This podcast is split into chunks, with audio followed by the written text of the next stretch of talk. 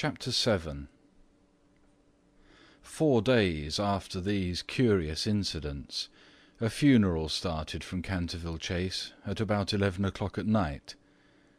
The hearse was drawn by eight black horses, each of which carried on its head a great tuft of nodding ostrich plumes, and the leaden coffin was covered by a rich purple pall, on which was embroidered in gold the Canterville coat of arms.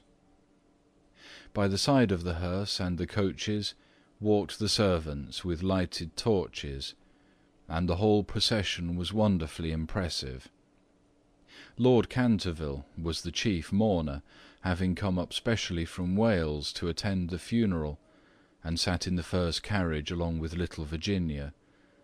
Then came the United States Minister and his wife; then Washington and the three boys and in the last carriage was Mrs. Umney. It was generally felt that, as she had been frightened by the ghost for more than fifty years of her life, she had a right to see the last of him. A deep grave had been dug in the corner of the churchyard just under the old yew tree, and the service was read in the most impressive manner by the Reverend Augustus Dampier.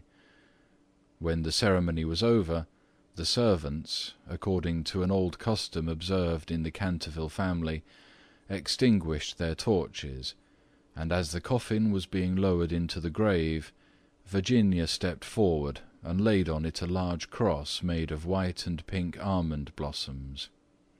As she did so, the moon came out from behind a cloud and flooded with its silent silver the little churchyard and from a distant copse a nightingale began to sing.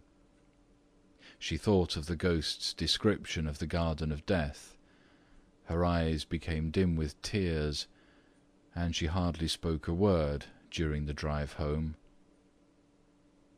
The next morning, before Lord Canterville went up to town, Mr. Otis had an interview with him on the subject of the jewels the ghost had given to Virginia. They were perfectly magnificent,